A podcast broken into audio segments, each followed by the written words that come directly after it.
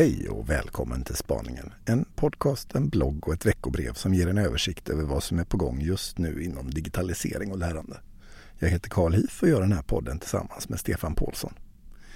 Den här veckan börjar vi med en ny forskningsrapport som tar upp viktiga aspekter av hur de praktiska förutsättningarna för en skola på vetenskaplig grund faktiskt ser ut.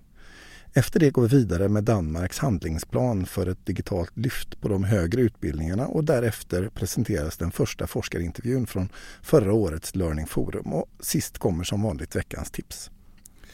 Men vi börjar i skollagsändan som säger att skolans undervisning ska vila på vetenskaplig grund och beprövad erfarenhet. Men är verkligen alla förutsättningar på plats för att det ska bli möjligt? En ny forskningsrapport tittar närmare på det. Lärares arbete ska baseras på forskning och den skolutveckling som bedrivs ska genomsyras av ett vetenskapligt förhållningssätt. Det innebär att det finns ett behov av en större och bättre samverkan mellan skola och den akademiska forskarvärlden. Praktiknära forskning är en viktig väg för forskare och lärare att tillsammans utveckla undervisningen och förbättra elevernas måluppfyllelse. Universiteten i Göteborg, Karlstad, Uppsala och Umeå leder sedan 2017 på uppdrag av regeringen arbetet med att skapa samverkansmodeller och formulera avtal kring praktiknära forskning som ska vara hållbara på längre sikt. Satsningen kallas ULF som är en bokstavsförkortning av utbildning, lärande och forskning och pågår till 2021. Inspirationen kommer ifrån ALF-avtalet inom sjukvården som gör det möjligt för läkare att förena kliniskt arbete med forskning och som öppnar upp för läkarstuderande att praktisera i miljöer där det bedrivs klinisk forskning. Skolan och forskarvärlden måste skapa de förutsättningar som behövs för att forskare och lärare ska kunna samverka kring forsknings och utvecklingsarbete i sin vardag. För skolans del betyder det att det måste finnas en infrastruktur för lärares kollegiala samarbete där man delar med sig av kunskaper och erfarenheter kring planering och efterarbete av undervisningen. Utan en organiserad samverkan bland lärare ute på skolorna blir det svårt att skapa professionella lärgemenskaper tillsammans med forskare. I en enkätstudie bland 2200 lärare i grund och gymnasieskolan som kom tidigare i veckan framgår att det på många skolor finns stora brister inom det här området. Studien genomfördes inom ramen för ULF av fyra forskare vid Karlstads universitet tillsammans med medarbetare på Statistikmyndigheten, SCB. De flesta lärare uppger att det inte finns någon organiserad tid för kollegial samverkan kring undervisning på sin skola. En majoritet menar också att de inte har någon möjlighet att arbeta systematiskt med att kartlägga och följa upp elevers resultat eller att prova olika pedagogiska och didaktiska modeller som kan utveckla undervisningen. I stort sett alla lärare har tillgång till digitala lärplattformar men de används inte i någon större utsträckning som verktyg i planering och efterarbete av undervisningen. Detta är ett av delmålen i den nationella strategin för skolans digitalisering. Så här återstår mycket att göra. Fördelarna som digitaliseringen skapar ska tas tillvara för att underlätta och effektivisera det dagliga arbetet.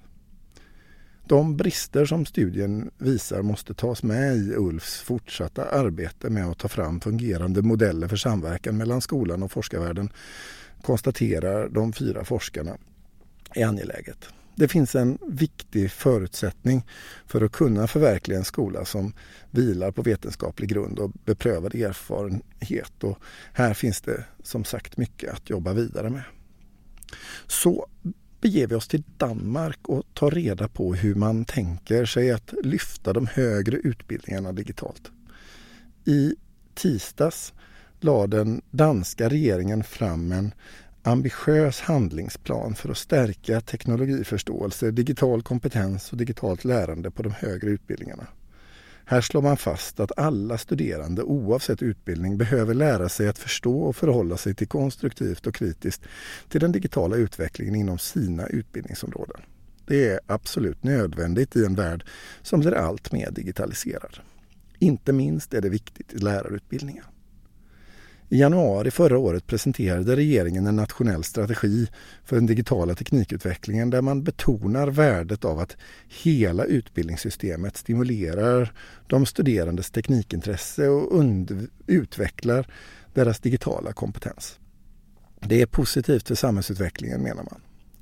För grundskolans del resulterade det i en satsning på försök med undervisning i teknologiförståelse och nu är det alltså dags för de högre utbildningarna.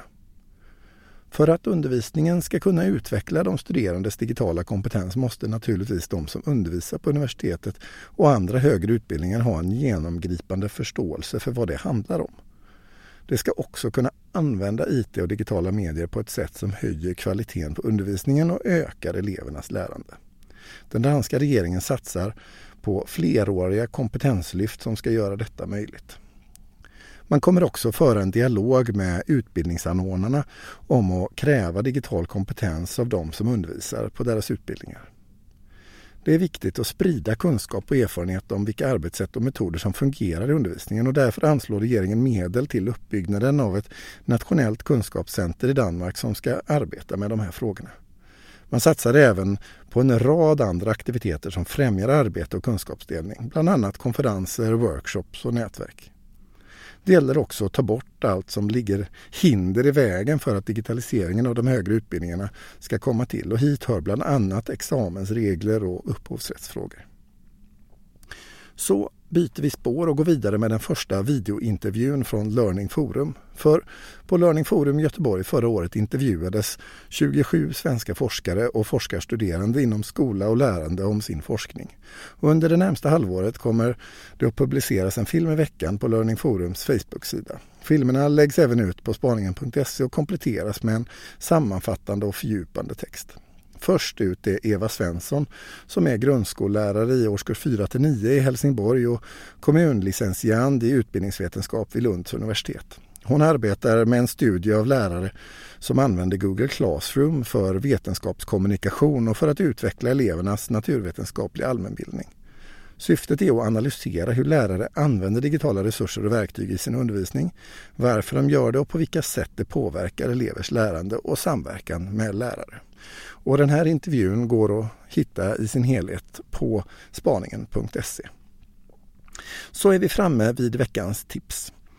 Linnéuniversitetet driver tillsammans med Sveriges kommuner och landsting, Soundtrap och Academy of Music and Business projektet Make Music Matter som precis har dragit igång. Syftet är både att ge elever möjlighet att skapa musik med digitala verktyg och att ge musiklärare kompetensutveckling som kan öppna nya vägar för deras undervisning.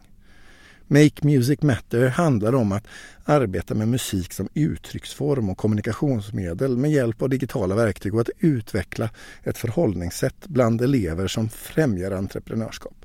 Tanken är att skapa lärmiljöer som upplevs som autentiska och inspirerande, att förkorta vägen till musikaliskt skapande och att ge eleverna en inblick i hur det musikaliska entreprenörskapet ser ut och fungerar.